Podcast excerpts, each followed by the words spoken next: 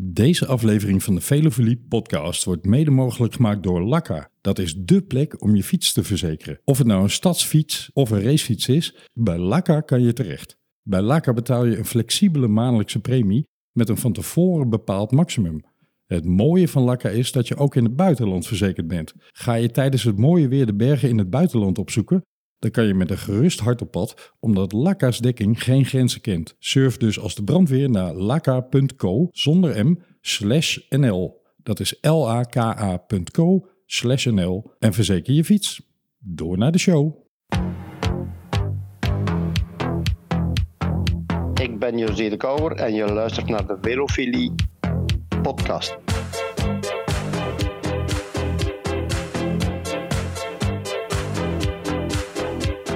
Ben Peter Winnen en je luistert naar de Velofolie podcast. De Velofilie podcast.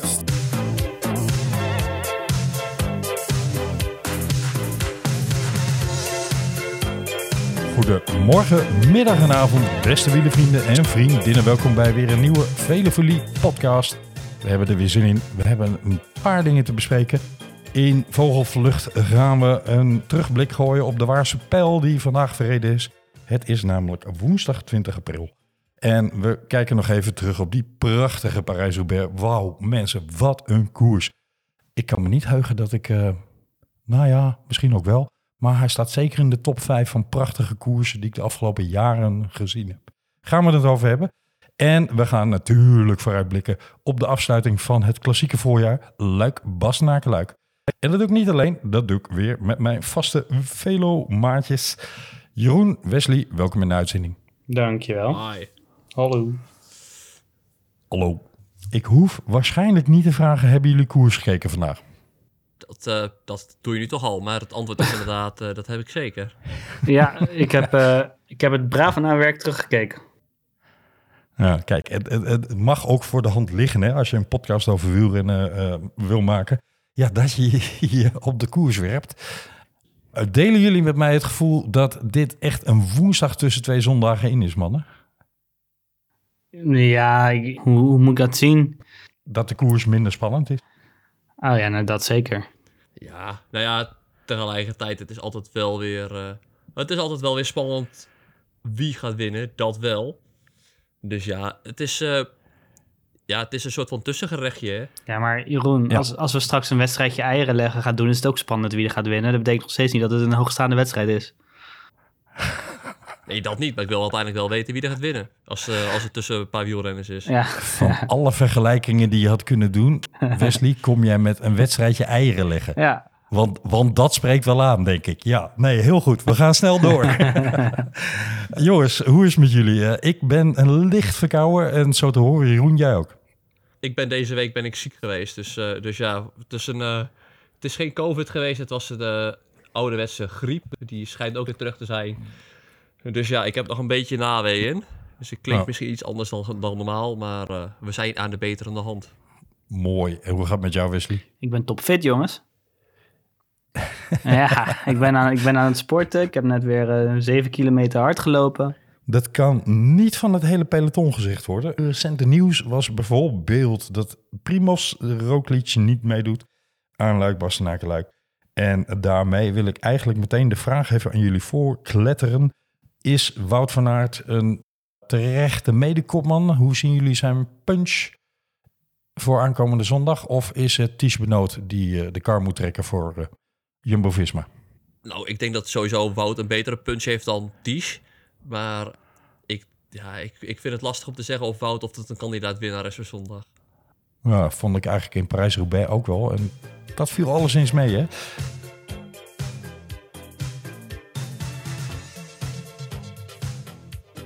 Jongens, terug naar de agenda. We gaan even eh, richting de Waalse Pijl eh, terugkijken. Voor de mensen die het niet gezien hebben. De Waalse Pijl is, nou ja, eh, dikke 200 kilometer. Maar eigenlijk, hmm, hmm, het is zo'n echt typische genieten vandaag, hè? Was genieten, toch? Het was zo'n typische koers, beste luisteraars. Waarin je bij wijze van spreken tussendoor een wasje in de wasmachine kon gooien. De vaatwasser aanzetten.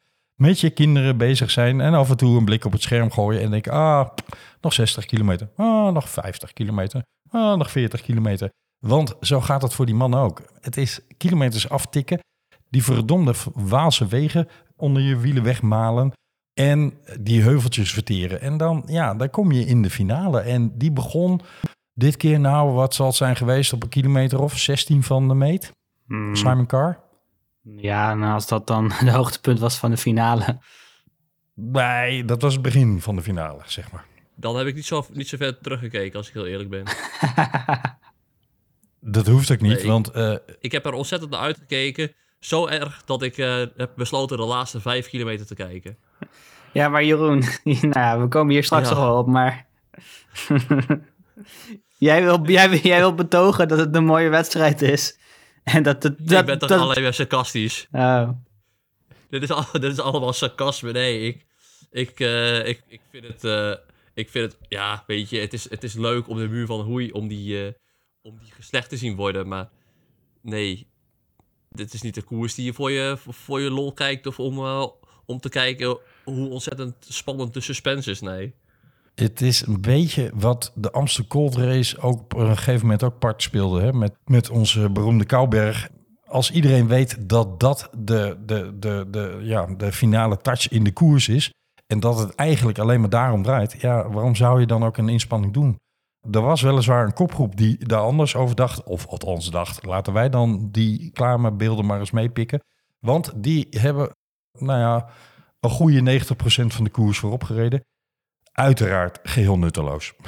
Leuk, maar... eh enfin, dus kopgroep, bedankt voor de moeite. En eh, ja, toen ging eh, er her en der wat mensen alsnog een poging doen. Waarvan ik Mauri van Zevenland nog wel leuk vond. Ik dacht, nou, die had op een gegeven moment had hij 17 seconden voorsprong. Ik dacht, dat zou toch leuk zijn als hij in zijn eentje aan ja, de, de, de muur begint. Mocht niet zo zijn. Was met Søren Krag Andersen en hij wilde niet overnemen. Want uh, Krag Andersen die was uit het gebaar dat hij moest overnemen en dat deed hij niet. Dus eh, die zei ook in het interview achteraf dat het een beetje een loze poging was. Want hij reed toch, eh, toch in zijn eentje, ook al waren ze met z'n tweeën. En dat eh, gebeurt hem wel vaker. Ja, dat ja, is in dit geval domme pech, hè, maar zat. precies. Ja, het was, het, het was inderdaad wel, wel zonde. Want als die met z'n tweeën wel waren gaan rijden, dan had, dat, had ik dat nog wel leuk gevonden voor de finale. Maar eh, Ik ben er wel van overtuigd dat die Spenoot ook wilde aanvallen op de, sh- op de Sharaf. Alleen eh, die, Ja. die zat op een gegeven moment ingesloten. Ik bedoel, als Carl Andersen Ja. en Benoot samen 20 seconden hadden gehad, dan had ik het nog wel willen zien. Da- ja, we zullen het niet weten. Maar eh, dat was inderdaad interessant voor de koers geweest. Het draaide nu, zoals wel vaker bij de Waalspel, uiteindelijk uit op de muur van Hoei op Rammen. En eh, dat deden verschillende mensen op verschillende plekken in de peloton. Ja, dat is logisch, je kunt niet allemaal op dezelfde plek zitten. Maar sommige daarvan hm, zaten niet heel lekker gepositioneerd. Wat was Alaphilippe aan het doen? Harken. Ja, Ala- Alaphilippe was gewoon niet, niet de beste Alaphilippe. Nee. Hij, hij, was, zeker eh, niet. hij was zeker niet super slecht. Ehm, als hij Paul in het wiel van Teuns had gezeten, dan had ik het nog wel willen zien. Maar ehm, hij was. Ja, Ja, maar m- hij zat als als, dan had hij daar toch gewoon moeten zitten. Nee, ja, precies. Dus eh, het was, Hij hij, werd wa- ruimschoots gebracht hè, door zijn ploeg, dus eh, daar lag het niet aan. nee, hij was, hij was gewoon niet goed genoeg. Wat mij opviel, laten we het gewoon kort houden. Ehm, de winnaar, Dylan Teuns, reed een prachtige ehm, eh, muur van hoei.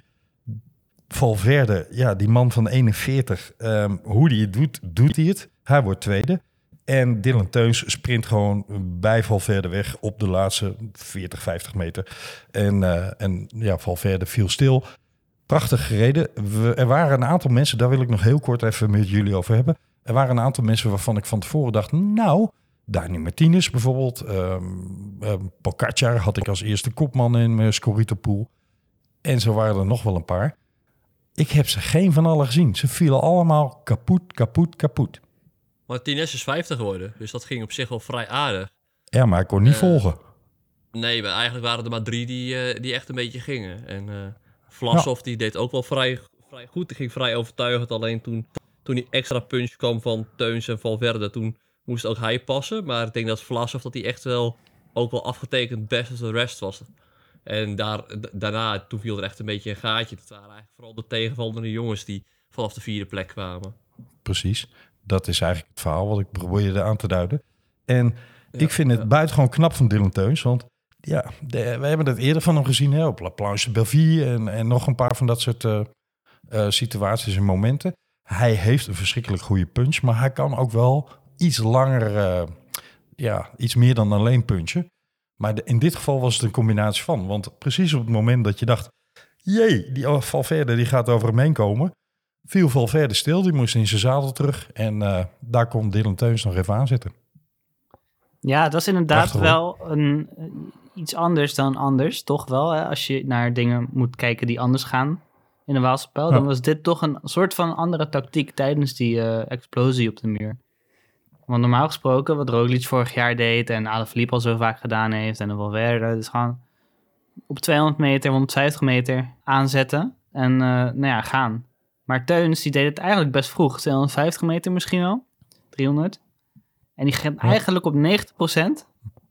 En hij, Nou, minder dan 300 hoor. Want Mas, Mas zat daar aan te, aan te trekken hè, voor Movistar. Nou, Oh ja. die, dat, deed hij, dat deed hij heel lang en heel diep. ja, Goed gereden hoor. ja, nee zeker. Maar hij Teut kneep eigenlijk iedereen heel langzaam uit. En dat, eh, Ja. en dat is wel wezenlijk anders. Teuns gaf ook na afloop in het interview gaf hij ook aan dat hij, eh, hij was verrast door zijn eigen kracht. En hij, eh, de interviewer vroeg hem of, het, of dit ook dezelfde krachtsexplosie was of hetzelfde niveau in vergelijking tot hoe hij onder andere was in het planche duel viel. En hij zei zelf ook, ja, dit was wel, hij benaderde Beter. nu wel echt zijn beste niveau. Nou, hij zei ik ben beter dan ooit. En hij zei Ja. ook iets over dat hij eh, van plan was val verder te volgen. Omdat hij wist dat hij op een bepaald punt zou gaan. Mooi. Grappig. Goed gedaan. Jongens, genoeg over de Waalspel. Ik wil terug naar afgelopen weekend. De Sunday in Hell. En dat was voor velen een ware hel. Bas Tietema kan erover meepraten, want die heeft hem fantastisch uitgereden. Maar wel een uur naar onze glorieuze winnaar Dylan van Baarle. Mooie filmpjes online te vinden van emotionele Bas die wordt toegesproken door José de Kouwer en eh Carl van Nieuwkerken. En eh José de Kouwer zegt tegen hem, eh, ze zeggen hè, je moet een sleutelbeen breken om wielrenner te zijn. Maar nee, je moet Parijs-Roubaix uitrijden.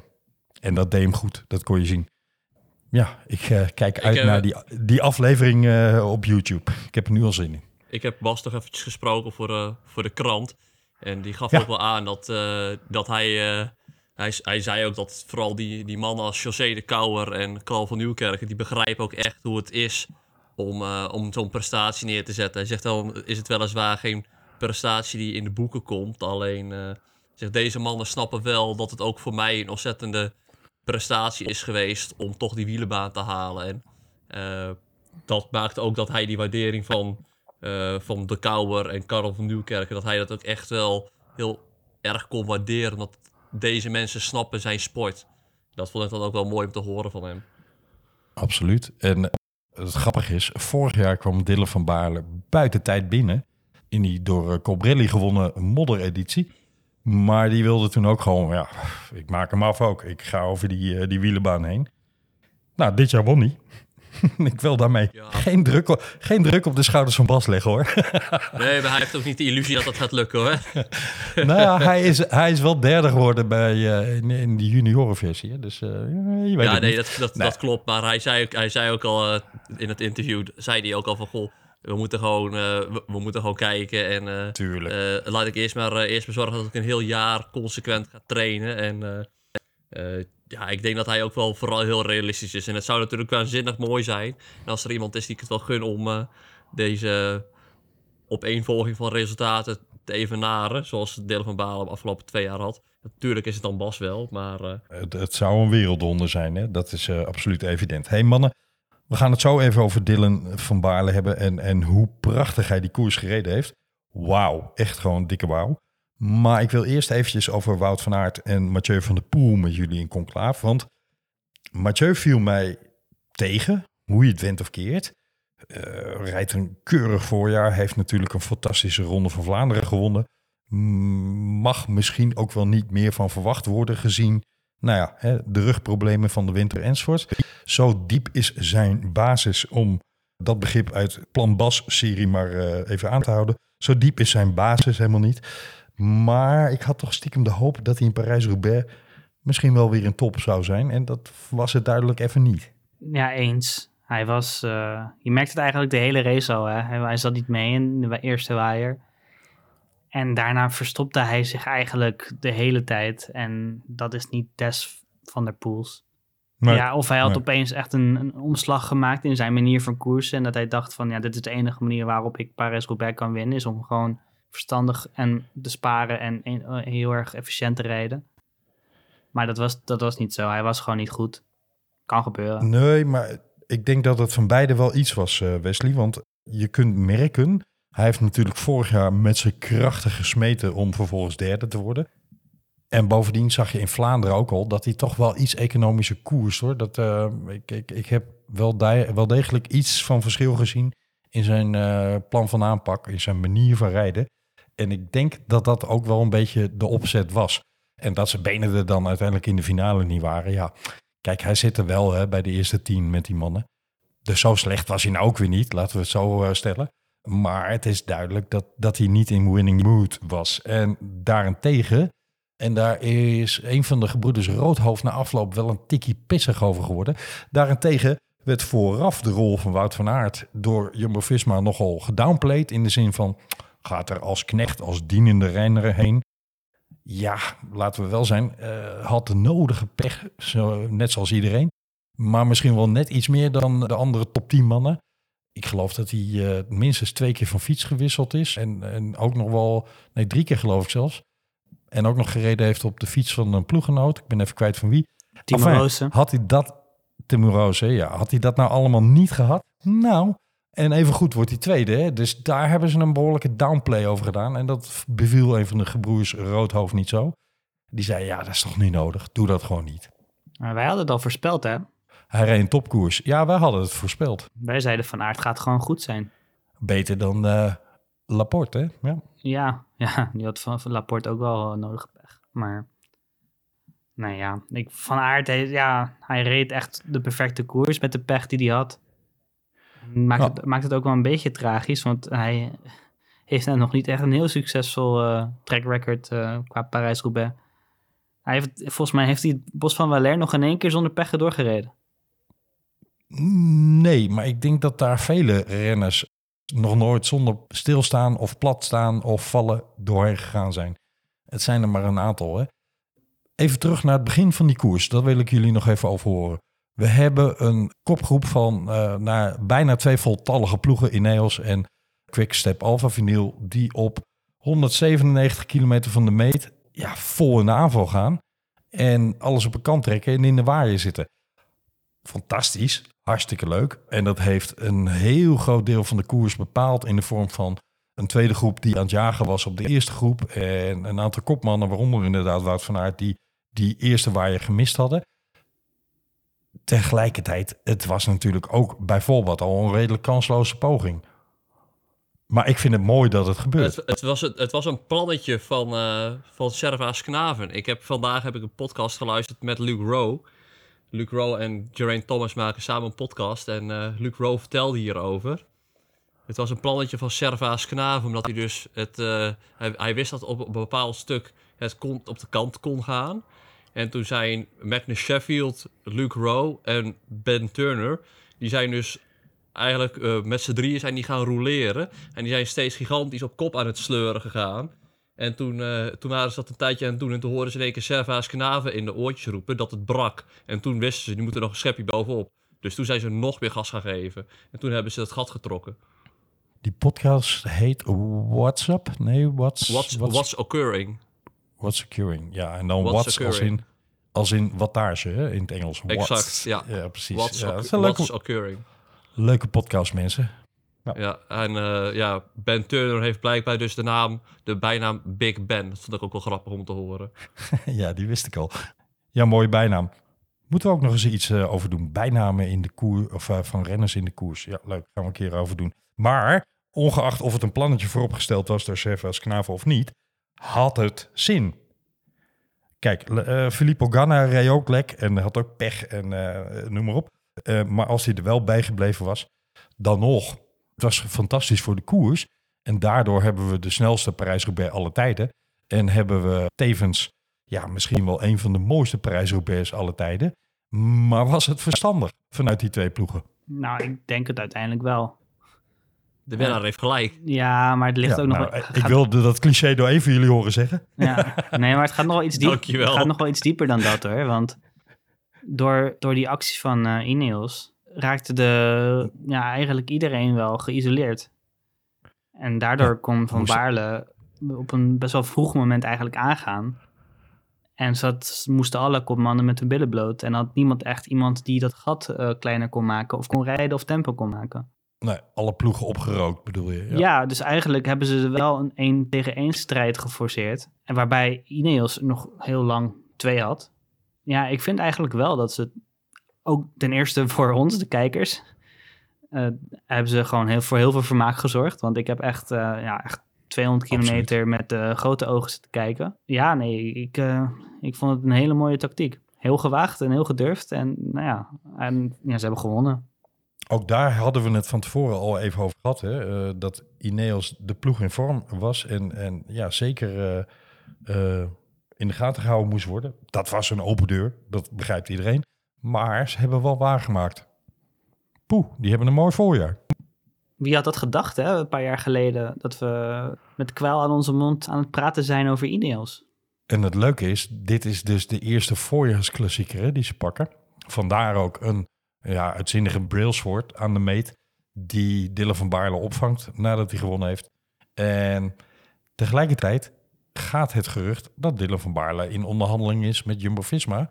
Nou, ik ben benieuwd. Daar kan nog wel eens een, eh, zoals dat in voetbal dan heet... een sterk verbeterde aanbieding vanuit Ineos eh, tegenover komen te staan. Denken, denken jullie dat de transfer naar Jumbo-Visma door die overwinning van Van Baarle dichterbij is gekomen of juist verder weg is gegaan? Ik zeg verder weg. Ja, ik denk het ook wel, ja. Je zou verwachten van wel. Maar tegelijkertijd, het, Ineos is een Engelse ploeg, hè? Waarom denk je dat het verder weg is, eh, Wesley? Ik denk dat eh, Van Baarle nu eigenlijk voor het eerst bewijst echt de nummer één kopman eh, te kunnen zijn voor een team als Ineos. Dus waarom zou Ineos Van Baarle laten gaan? Ik bedoel, die hebben geld zat om hem ook een sterk verbeterde aan- aanbieding te doen. Ja, het enige argument voor Van Baarle zou kunnen zijn is dat Jumbo-Visma een Nederlands team is en dat hij graag met, ja, terug naar zijn eigen taalgebied gaat, zeg maar. Ja, maar er speelt meer. Wes. Er speelt ook dat Ineos een Engelse ploeg is. Daar zit weliswaar ook een Nederlandse ploegleider in de vorm van Servas Knaven. Maar de nadruk ligt toch wel op eh, jonge talenten als Turner, Pitcock. Magnus Sheffield. Sheffield is dan een Amerikaan, maar eh, het, het, is, het is wel een plek waar Dylan van Baarle niet de nummer één kopman is. Hij is misschien gedeeld kopman op zijn best. Ja, Maar, maar, bij, het zal altijd wel om figuren als Pitcock draaien in die ploeg. maar bij Jumbo-Visma gaat hij, gaat hij ook niet hoger dan Van Aert staan. Waarschijnlijk niet. Ik vind het helemaal geen gek idee. Er wordt namelijk er worden meerdere ploegen genoemd. Er wordt ook gesproken over, eh, over Bora of over UAE. En het zou mij niet verbazen als hij gewoon naar UAE toe gaat. Want daar eh, is Trentin momenteel de enige man echt een beetje voor, eh, voor op de kasseien. En Trentin heeft afgelopen het contract. Ja, ik zou me ook kunnen voorstellen dat voor het geld zal het, eh, zal het om het even zijn bij welke van, de, van die ploegen die gaat tekenen. En waarom zou hij dan niet bij UAE tekenen? En dat hij zegt van, goh, is leuk, ik wil best, best komen. Maar dan wil ik ook die jongen erbij, wil ik ook die jongen. En dan kan hij, hij kan hij ook eisen stellen als Parijs-Roubaix winnaar. Dus dat zou me ook niet verbazen. Ja. Ja. En hij En is ook ben, jij dan niet, ben jij dan niet bang, Jeroen, dat dat toch, met alle respect uitgesproken, maar een beetje het Wout scenario wordt dan? Ik zou niet weten waarom. Het is trouwens voor jou het Wout, scenario. Nou, die won natuurlijk eh Luik Bastenaken Luik 2016 en, en ging daarna naar Bahrein. Hè. Ehm, ja, heeft toch niet helemaal kunnen waarmaken dat hij, eh, was hij 100% eerste kopman, weet ik niet. Maar hij, hij kwam in ieder geval voor de klassiekers in het voorjaar, maar hij kwam ook voor een kopmanschap in de grote ronde. Is het toch niet helemaal lekker uitgekomen. Eh, misschien dat hij 100% tevreden is over, eh, gezien de omstandigheden, wat hij kon bereiken. Ik had er persoonlijk meer van verwacht. Oké, ja, maar Dylan van Baarle zie ik wel echt een hele andere, daar zie ik echt wel een hele andere renner in. En ook de manier waarop hij zich heeft ontwikkeld. Bij Poels is het eigenlijk al van het begin van zijn carrière met hele hoge pieken, maar ook hele diepe dalen geweest. Maar mijn Van Baarle doet echt elk jaar gewoon een stapje erbij. Die ontwikkelt zich elk jaar, elk seizoen wordt hij iets beter. En dan, dit seizoen wordt hij tweede in de Ronde van Vlaanderen, eerste in Parijs-Roubaix. Ja, vorig jaar wint hij dwars door Vlaanderen. Speelt hij ook, eh, ook een rol in eh, andere klassiekers. Vergeet de tweede plaats WK niet, hè?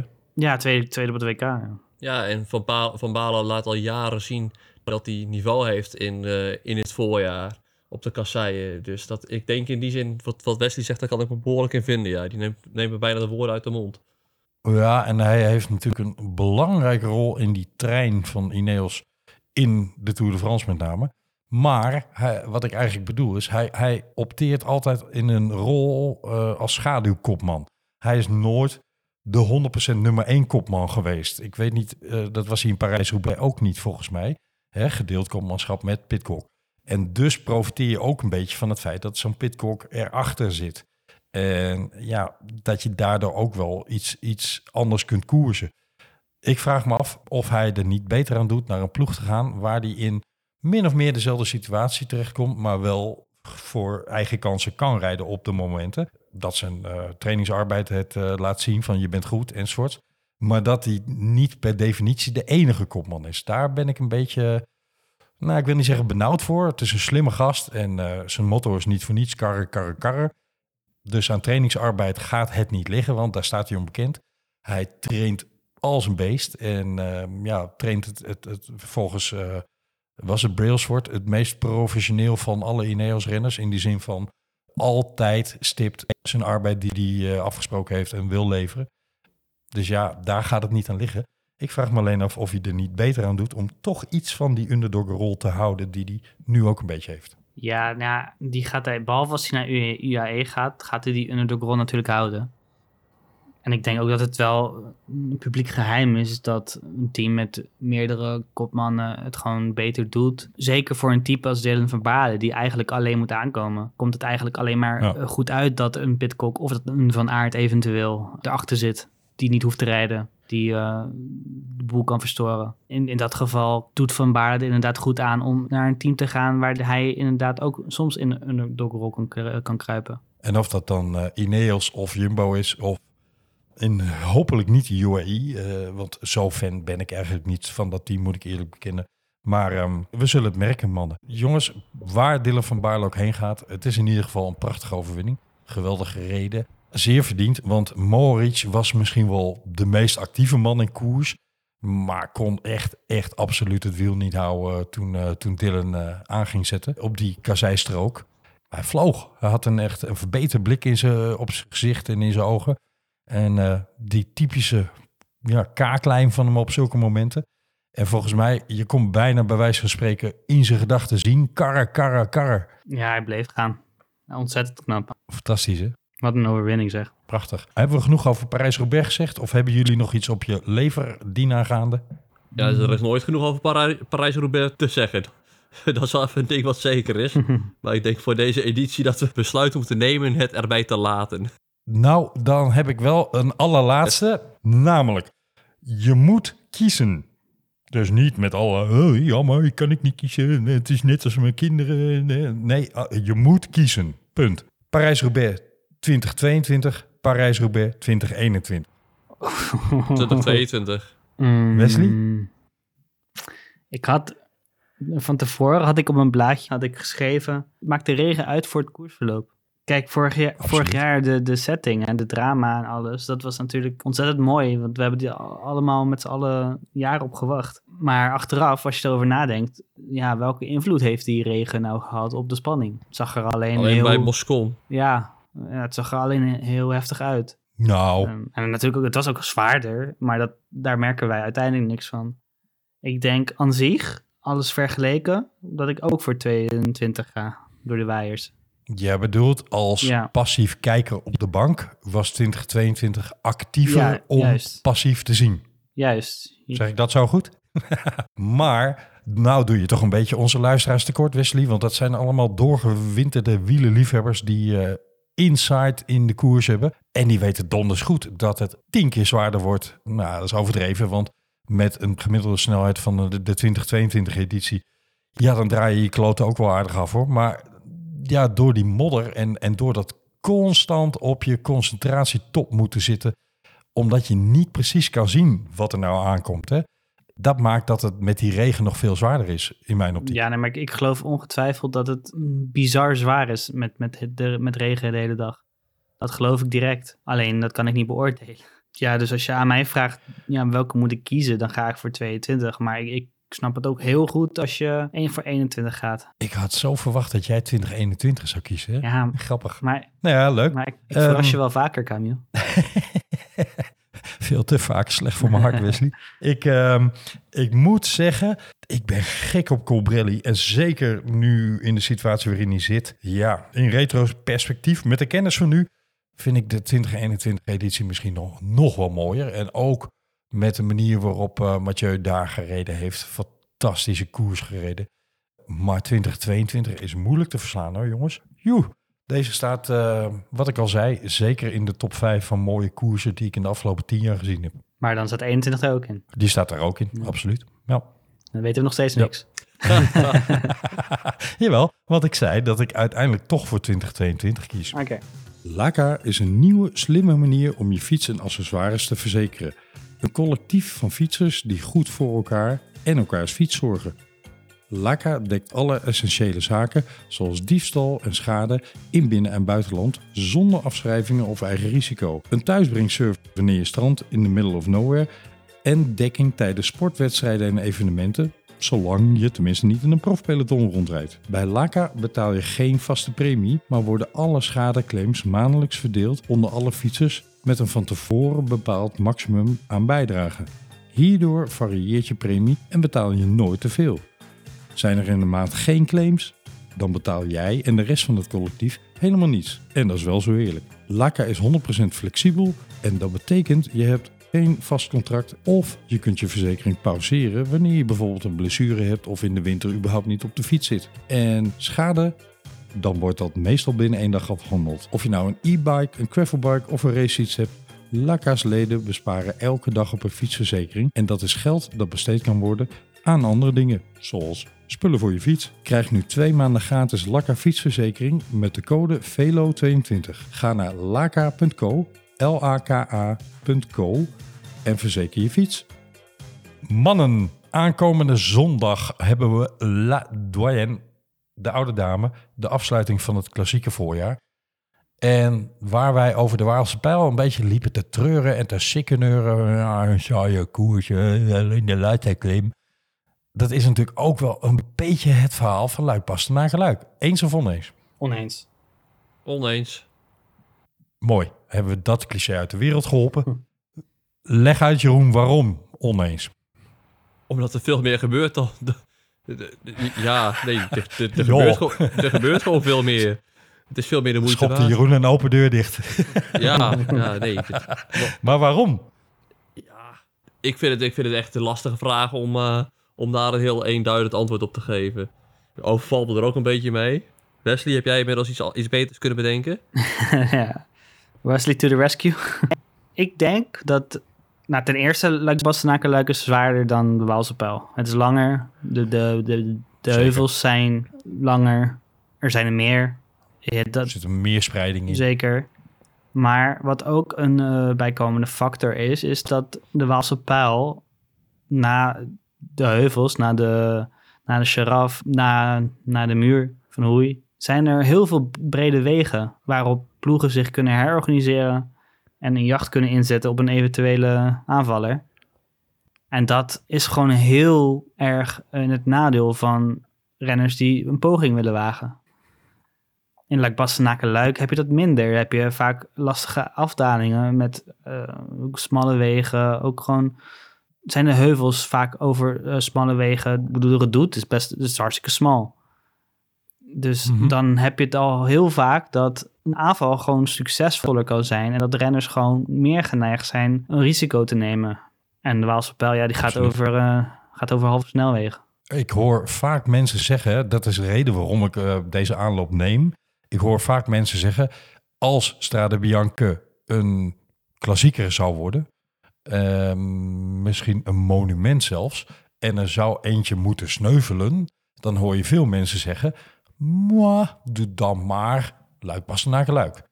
Waarvan ik altijd denk, zonde jongens, het is misschien niet het spektakelniveau à la Parijs-Roubaix, want er vindt meer plaats in die wasmachine die een peloton kan zijn op de aanloop naar die heuvels toe enzovoorts. Zonder dat je dat nou 1, 2, 3 ziet als je er niet op let, zeg maar. Eh, snap je wat ik bedoel? Er zijn meer verborgen verhalen in de koers.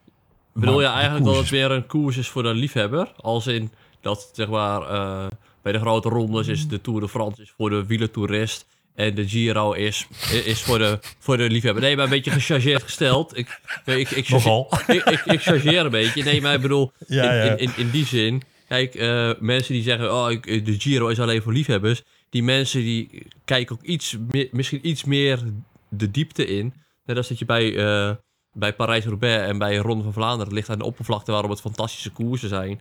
En bij een eh, luik moet je misschien iets meer de diepte ingaan. Moet je ook iets meer weten hoe een peloton, hoe dat, hoe dat werkt als, als organisme, zeg maar. Ja. Ik bedoel, is dat een beetje hoe je het, hoe je het bedoelt? Dat als jij het, Ja. het wielrennen als zich iets meer kan doorgronden, dan is het ook mooier om naar, naar te kijken. Zeker, dat is precies wat ik bedoel. Zonder die... Zie je? eh, Dan heeft ja. het chargeren toch een beetje nut. Nee, want dat vond ik wel iets te ver gaan hoor. Want het is gewoon, het, het zit hem in het visuele aspect. Klinkertjes, kasseien, dat maakt heel duidelijk wat er aan de hand is. Je ziet die gasten stuiteren over die kutstenen. Eh, excuseer mijn Frans. Maar dat zie je niet in Luik. Je ziet niet dat dat asfalt zuigt. En dat dat asfalt vol scheuren en gaten. En, en, en eh, ik, ik ben eh, regelmatig de klimmetjes uit Luik Bastenaken-Luik afgedaald. Dat ik echt werkelijk mijn hart achteruit mijn hoofd terug moest slaan op zijn plek. Omdat je gewoon een gat indendert waar je niks meer eh, aan kan doen. Omdat je het gewoon 10 meter daarvoor nog niet ziet. Maar het is wel 30 centimeter diep ineens, zeg maar. En daar slaat je wiel op stuk als je niet uitkijkt. En als je daar dan voor Luik Bastenaken-Luik overheen rijdt... Hm, hou je je hart vast hoor. En dat zie je niet 1, 2, 3 op beeld. Maar het gebeurt wel in het peloton. En je ziet constant dat schuiven van die mannen die ofwel pech hebben en weer terug moeten komen, ofwel ja, eh, gewoon in zo'n, in zo'n, dat noemen ze de wasmachine, hè? Dat, dat heen en weer schuiven van eh, mensen die naar achter vallen en weer terug moeten komen naar de kop van het peloton enzovoort. Dat is in Luik, Bastenaken, Luik fantastisch om, om te zien als je daarop let. En daarom vind ik het een fantastische koers. Plus, er zijn een aantal edities die ik never nooit meer uit mijn hoofd krijg. 1980 is er eentje van. Eh, we hebben Henny Kuiper daar nog wel eens over gesproken. Maar het is de meest legendarische misschien wel. Hè, met Ben Hino als winnaar in een werkelijk hondenweer editie. Dat het eh, onder nul was. sneeuw. En dat er geloof ik uiteindelijk 26 renners finishen. Henny Kuiper werd tweede op 9 minuten. Die heeft wel gezegd, ja, ik had pech, anders dan was dat echt niet gebeurd. Maar toch, ja, Ben Arno die eigenlijk alleen maar doorreed. Omdat hij het al zo stervenskoud had, dat als hij stil zou gaan staan, hm, had hij het alleen nog maar kouder. Dus ja, legendarische editie. Die voor mij heel memorabel is, is die van 1983. Dat was zo'n beetje de eerste keer dat ik hem heel bewust keek. En bovendien, een neoprof, mag je eigenlijk nog wel zeggen. Was toen tweedejaars, maar toch, Steven Rooks hem won. En dat had nog wel een eh, gekke voorgeschiedenis, want die zat eigenlijk zonder contract in de winter daarvoor. Dus ja, prachtig. Hebben we een uitzending over gemaakt. Mensen, kunnen jullie terugluisteren? Steven Rooks wint Luik, Bas Luik heet hij uit mijn hoofd. Zoek die op. Steven vertelt een werkelijk fantastisch verhaal over ja, hoe dat allemaal gegaan is. Dus geniet om naar te luisteren. Maar zo heb ik er wel meer in op mijn netvlies. Kunnen jullie herinneren? 2014. Volgens mij, toen had Dan Martin het jaar daarvoor gewonnen. En in 2014 zaten ze met drie of vier man op kop. En hij vliegt in die laatste bocht, vliegt hij onderuit. Zomer. Oh ja. Kan je Ja herinneren? dat, ja, dat kan ik me nog wel herinneren. En wie won toen? Simon Gerrans? Gerrans, ja, klopt. Ja. ja, dat weet ik nog wel, ja. ja, dat was, ja. Maar als het ook maar bij één renner had kunnen gebeuren, dan was het Dan Martin wel. Ik weet niet waarom, maar dat gevoel heb ik erbij. Die had, wel vaker de pech zijn, die had wel vaker de pech achter haar zijn, achter haar kont hangen, ja. Ja. Ja, maar zo- zo schieten me gewoon een paar edities te binnen. Eh, welke schieten jullie te binnen als je aan Luik Bastenaak Luik denkt? Van 2011, die vond ik wel... Ik bedoel, het was natuurlijk het jaar van Philippe Gilbert, die zijn eh, trilogie daar voltooid. Na de Amstel Gold Race. dat zelfs. Ja, Ja. ik ben precies. Hij, hij, hij won alles daar eh, wat, die- wat niet op kasseien was. Ja, de Brabantse Pijl ook. Ja, Ja, Brabantse Ja. pijl pakte die ook, ja. ja Brabantse Pijl, Amstel Gold was spel en Luik Bastenaken Luik. Eh, maar ook het duel dat hij daar voerde tegen de gebroeders Slek. Ze zaten met z'n drieën, dus hij moest tegen twee, eh, twee broers moest hij strijden. Nou, dat vond ik op zich best wel, best wel tof om te zien. Absoluut. Mooi. Legendarisch voorjaar van Gilbert natuurlijk. Hè. Zou in dat jaar volgens mij ook het WK nog pakken, hè? Zeker, ja. In Valkenburg. als Dat was, echt, dat was echt gewoon zijn absolute topjaar. Ja, maar dat is Ja. ook ongeëvenaard. Niemand, niemand heeft zo'n jaar gehad. Zelfs als, als Pogacar nu nog de Tour en de Vuelta wint, dan heeft hij nog steeds niet Gilbert ge- geëvenaard van dat jaar. Of chargeer ik nu? ja, Als we toch aan het chargeren zijn deze aflevering, Ja. kan dit er ook wel bij, hoor. de Tour mag dan een wedstrijd voor, wat zei Jeroen ook alweer? Amateurwielrenners zijn? Nee, nee, nee, voor, voor wielentoeristen. Geintje, Jeroen. Maar ehm, jij zette hem nogal licht in de kleur neer, zullen we maar zeggen. Maar ik schat hem toch wel iets zwaarder in dan een willekeurige klassieker, hoor. Of een monument. Anders gevraagd. Wesley, stel, jij hebt wielrennersbenen. Je zit op een fiets en je mag kiezen. En je mag kiezen welke koers je wint. Een monument of de Tour. Wat zou je kiezen? Nou, de Tour. Hm? Eruit. Ha, ik, eh, ik zou toch wel gaan voor een monument. Maar ja, ik, eh, ik zit nog niet in die positie. Maar ik zou, ik, ik zou het liefst een grote kassei op de, op de open haard hebben. Liever nog dan zo'n gele trui aan de muur? Nee, ja, zeker. Vo, volledig, zeker. Grappig. Ja, ik... eh, Eh, maar dan, ga, dan zou ik ook mijn, zou ik ook mijn op, oprit bestraten, zoals, eh, zoals Terpstra dat gedaan heeft. Maar ik, ik heb nu even snel opgezocht wat Gilbert dat jaar gewonnen heeft. Hè? Hij, wint, hij wint Strade Bianca. Hij wordt derde in Milaanse Remo. Hij, wordt, nou, hij wint de, Waals- de, de Brabantse Pijl, de Amstel Gold Race, de Waalse Pijl, Luik Bastenaken Luik, de Ronde van België, de ZLM Tour. Hij wordt Belgisch kampioen. Hij wint een rit in de Tour de France. Hij wint de Classica San Sebastian. Hij wordt ook nog Belgisch kampioen in het tijdrijden. Hij wint de, rot- rit in de ronde in de Eneco Tour. Hij wint, eh, hij wint de Quebec. Hij wint de Grand Prix de Wallonië. En hij ja, wordt ook nog achtste in de ronde van Lombardije. Ik bedoel, En wereldkampioen. ja, En wereldkampioen. Ja, en En, wereldkampioen. van- en, vergis ik me heel sterk als hij top 10 reed in Vlaanderen dat jaar? Maak het Wesley niet te moeilijk. Ja, hij wordt, hij, wordt- hij wordt, hij, wordt hij negende daar, ja. Hij wordt, trouw, Ja, hij, wordt, Ja, joh. hij werd geen wereldkampioen in 2011. Hij werd Was- wereldkampioen in oh, 2012 nee, dat was in Valkenburg. 12, ja. Ja. Klopt. Ja. Ah, tuurlijk. ja. Anyway. Ja, dat is wel een ehm, vrij, vrij, aardige, vrij aardige voorbode om, eh, om wereldkampioen te worden, zeg maar. ja. Laten we het eens hebben over de kanshebbers voor zondag. Ik had hoog in mijn vaandel en daarom in mijn Scorito-team staan. Ene Tadej Pogacar. Was Ja. er niet helemaal vandaag. Ja, ik heb pas ook gezien dat hij door de week niet op de afspraak leek en op zondag wel. Hm. Dus ja, ik denk dat het eh Pogacar, die eh, was, ik denk, eh, wat, wat is het, dwars door Vlaanderen, leek hij niet echt op de afspraak. En eh, als hij niet, eh, niet zo eh, achterlijk de sprint was ingegaan, had hij ook gewoon top 2 gereden in de Ronde van Vlaanderen een paar dagen later. Dus volgens mij, eh, een tegenvaller op woensdag is geen, is geen voorbode voor een eh, slechte zondag voor hem. Nee, en hij doet zo'n explosie op de, de muur van Hoei. Dat heeft ook minder met vorm te maken dan met echt een, ja, een wedstrijd die echt gaat over meerdere momenten. Zeker voor een renner als Pogacar. Eens. Ja, dat geldt dan eigenlijk voor alle verliep hetzelfde. Nou ja, eigenlijk niet.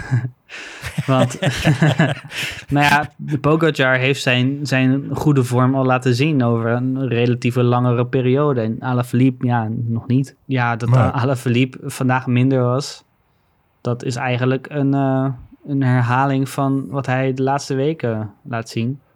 Terwijl bij Pogacar zou je het bijna een uitzondering noemen. Het is eh, zondag do or die, wat dat betreft. Voor Alaphilippe en de Quickstep zeker, ja. Ja, Pitcock. Ja, dat is toch... Nee, nee sorry. Dat is toch wel, wel, wel klaar voor dit voorjaar. Nou, ik snap niks meer van Pitcock. Nee, Hij is ik- vandaag, hij is vandaag een van de, volgens mij, een van de drie of vier DNF's geweest in Waalse Pijl. Ja, Ja, De, de, de finish is ruim 100 man en hij, is, hij zit bij de, ik meen uit mijn hoofd, drie DNF's. Hij was al vrij snel afgestapt. De volgende naam voor zondag, Jona Vingegaard.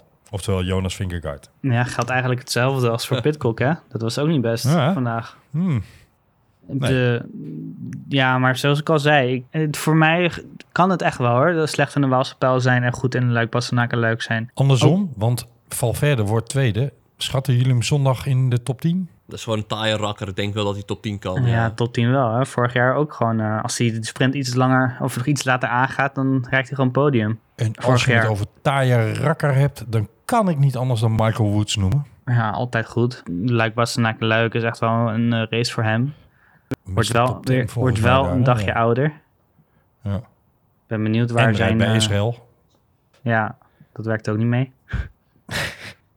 Wat zei je? Dat hij bij Israël rijdt. En dat is nou niet per se een voorbode voor eh, een hele goede voortzetting van je carrière gebleken tot nu toe. Maar goed, Nee. Woods moet je nooit onderschatten in Luik, Bastenaken, Luik. Dat is een vastgegeven. Hebben we nog andere namen op het netvlies staan waarvan je zegt... Ga er maar op letten hoor. Ja, Benoot? Wout. Vlasov denk ik inderdaad. Ja. Goeie Wesley. Ja, Vlasov zeker.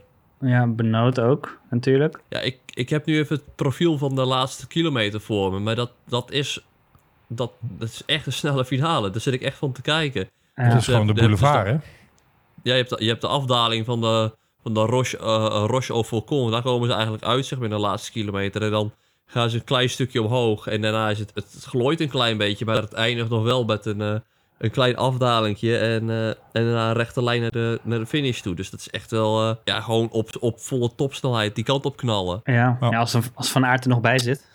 Ja, die, die, die, die komt al aan met een, met een rotgang. Ja, ja als Van Aert, er- als Van Aert, van Aert in de laatste kilometer nog bij zit... dan denk ik dat hij echt redelijk afgetekend kan gaan winnen. Zouden we dan toch de sprint tussen Van Aert en Pogacar kunnen zien? En dat we dan kunnen testen wie daar ook weer sneller in is? Nou ja, als jij nou even de Tour van eh, 2020 terugkijkt. Ja. Was er een sprint tussen Pogacar en eh, Van Aert voor eh, de boniseconde. en die won Van Aert echt met twee vingers in zijn neus. Ja. En één in zijn achterwerk. Ehm,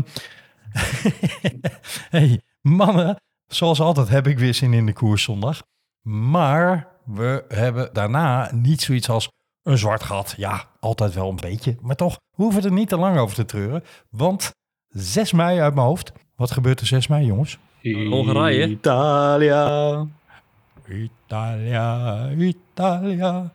We starten met de Giro, eh, luisteraars. En daar heb ik zo'n gloeiende, ongelofelijke zin in. Want zoals Jeroen dat iets wat aangezet zegt, maar ook niet heel onterecht. De Giro is voor echte liefhebbers. En elk jaar is het weer een beetje hetzelfde gedoe. Hoe, zit dat parcours in elkaar? Is het wel spannend genoeg? Kom niet te veel op die laatste derde week van de Giro aan. Is de Giro niet te klassiek bezig? Want daar zo, in de vorm van Tour de France en Vuelta, die zijn bezig met vernieuwingen, korte etappes, punchy, nou dat soort zaken. Ik hou er wel van, van dat semi-klassieke wat de Giro is. En vooral van die slopende calls al daar. Jongens, jongens, jongens, jongens. De Mortirolo, enzovoorts, enzovoorts. Heerlijk. We gaan een aantal speciale dingen doen rondom en met de Giro. Eén daarvan zal een uitzending worden waarin we het over de Giro, de koers, eten en wijn gaan hebben. En dat doen we met iemand die verstand van allemaal heeft. En dat eh, wordt een groot genoegen om daarmee te praten. Dat gaan jullie in volgende afleveringen wel horen. En we gaan ook onze verslaggever Wes eh, aan de slag zetten. Want Wesley, je hebt het al een keer gezegd, maar jij hebt het genoegen naar Italië af te reizen. Ja, zeker. Naar, eh, naar Verona, onder andere. Dus eh, Ja. ik ga even kijken of ik daar een, eh, een Italiaan kan spreken die, die wat over de koers wil zeggen, wat over de Giro. Vast wel. Dus vast, het is toch een nationale trots, de Giro? Zeker, ja. Alleen Engel, Engels is niet hun nationale trots. Dus Dat is waar. maar maar eh, tegenwoordig spreken ze wel beter Engels in Italië dan eh, toen ik er voor het eerst kwam hoor. Dus, eh, Ja, en ik heb, nee. wel eens, ik heb wel eens met handen, voeten, Engels en Italiaans een heel verhaal over Antonioli afgestoken in Florence. Nou, dat kwam helemaal goed. En anders heb jij toch een hele fijne tolk waar jij mee samenwoont, Wesley. Nou, ik kan best Ja. wel. Ik, ik kan zelf het interview ook wel in het Italiaans houden. Maar ik weet niet of onze luisteraars daar nou heel blij van worden om eh, na een paar minuten in het Italiaans te luisteren. Het is bijna zonde om het niet in het Italiaans te doen. En die mensen daardoor onbevangen kunnen antwoorden. En het is nog een mooie taal om naar te luisteren ook. Top. Jeroen, Heb jij ook zo'n zin in de Giro? Ik, eh, ik ben, eh, jij ik zie mezelf mee, als, een, als een liefhebber, hè? ik zie mezelf als een liefhebber, dus nee, ik, eh, ik, kijk, er, eh, ik kijk er nu al, nu al flink naar uit. Als er maar één reden is om de Giro het mooist te vinden, is dat het de enige grote ronde is zonder, er, zonder traditionele vastgebakende finish. En vooral regelmatig en ook dit jaar weer een afsluiting met een, met een individuele tijdrit. Dat is toch gewoon... Dat is toch hoe je een grote ronde wil eindigen. Hoe, ehm, op dit moment is hij op trainingskamp volgens mij. Hoe schatten jullie Tom Dumoulin's kans in? Ja, die kan wel top 20 rijden, denk ik hoor. Zo. Ja, hier moet ik van terugkomen, deze uitspraak. Nou, ik, dit, dit, ga, dit ga ik bestrijden. eh, want dat is dus niet des Toms. En zo gaat het ook niet gebeuren. Eh, Nee. maar los daarvan, hij kan juist geen top 20 rijden. Dat kan Tom Dumoulin gewoon niet. Hij kan top 5 rijden Ja, of hij kan uitvallen. Maar iets daartussenin bestaat niet in de wereld van Tom Dumoulin. Nee, klopt, eens. Ja, hij wordt of inderdaad top 5. En dan ook nog wel dat hij echt meedoet voor het podium. Want als hij gewoon moet strijden voor de vijfde plek, dan gaat het ook eh, met eh, pijn en moeite, denk ik. Maar ja, hij is echt Mhm. een winnaar puur zang. Dus het wordt echt inderdaad een topklassering of helemaal niks, denk ik. Precies. En dan hoop ik maar dat we van, met z'n allen kunnen genieten van de topklassering. Mannen, ik heb er zin in. We gaan afsluiten. We gaan ons binnenkort weer melden en dan, dan krijgen jullie iets meer te horen over de stukjes van het Velodroom in Sloten in Amsterdam, wat we gaan weggeven. Eh, misschien gaan we dat ook wel in de Giro verweven, wie weet. Maar ben je nou een baanwielren liefhebber, ha, blijf ons dan volgen, want je kunt een stukje van dat Velodroom winnen. En dat eh, staat altijd leuk in je boekenkast. En Jeroen, Wesley, hebben jullie inmiddels zelf al een verzekering voor je fiets genomen bij Lakka? Ik ben er eh, vooral heel erg druk mee bezig bij mijn vrienden die wel iets meer fietsen om, eh, om het wel te doen. En volgens mij slaat het wel aan, omdat we ook een mooie kortingscode hebben. Dus zelf fiets ik er te weinig voor, alleen eh, ik heb veel vrienden die veel fietsen en die probeer ik inderdaad wel lekker te maken met onze actiecode. Maar fiets je helemaal niet, want je kunt ook je gewone fiets verzekeren. Ja, maar dat is, dat is niet, de, niet de moeite waard. Mijn fiets ziet eruit alsof eh, een jaar de gracht gelegen heeft. Je hebt zo'n stadsbarrel. Ja, ik begrijp je, ik begrijp je. Maar heb je nou een e-bike of heb je een bakfiets of heb je een racefiets of heb je een gravelbike? Nou, wat voor fiets het ook is. Je kunt ze verzekeren bij Lakka. En het mooie is, ga je nou van de zomer bijvoorbeeld met je fiets de bergen in en maak je je daar druk om? Want ja, dan moet je altijd die ingewikkelde reisverzekering waar je fiets ook doorgedekt wordt en zo. Nee hoor, Lakka heeft gewoon wereldwijde dekking. Dus je hoeft je nergens druk over te maken. Verzeker je fiets bij Lakka. Pak de code VELO22 mee voor twee maanden gratis verzekering. Het voordeel is, je betaalt nooit te veel, want je betaalt een vooraf gemaximaliseerd bedrag. Maar als er geen schades bij alle verzekerden van Lakka zijn, dan betaal je dus ook geen premie. Mooi is dat, hè? Je zit er bovendien ook nog eens niet aan vast, want je kunt per dag opzeggen. Stel dat jij nou zegt, ik ben echt zo'n typische zomerfietser. Ik zit in de winter, mijn fiets altijd in de schuur, in het vet. Dan kun je je verzekering dus tijdelijk opzeggen of pauzeren. Wat je wil. Ga naar laka.co, dus L-A-K-A.co, zonder de M van Marie, slash NL. En verzeker je fiets en pak die code VELO22 voor twee maanden gratis verzekering. Jongens, dankjewel. Prego. Yes, dat was hem weer. We gaan ons weer melden na Luik, Passen, na Luik, mensen. Alla prossima. Vota. Ciao. Ciao.